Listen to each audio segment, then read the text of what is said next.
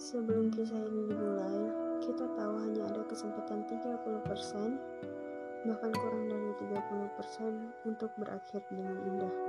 Perbedaan antara kita berdua terlalu besar.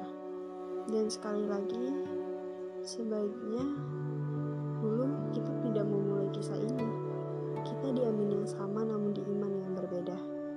Bingung harus aku atau kamu yang mengalah, atau kita sama-sama mengalah yaitu dengan cara berpisah. Berpindah ke lain hati memang tidak mudah.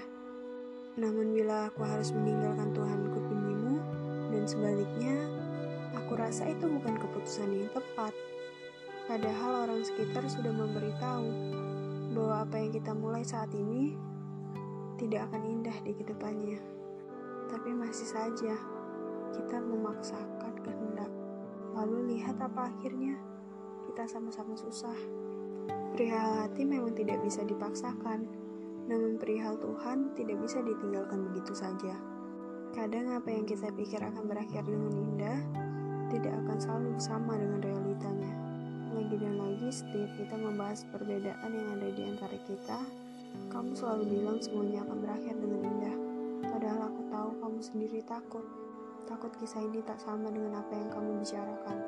Kadang juga kamu marah ketika aku membahas ini.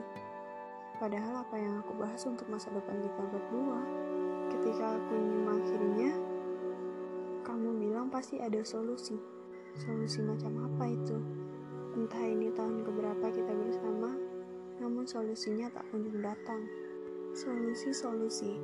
Solusi yang terakhir adalah kita berpisah. Jika kamu tidak ingin ada perpisahan, maka aku harus memaksa.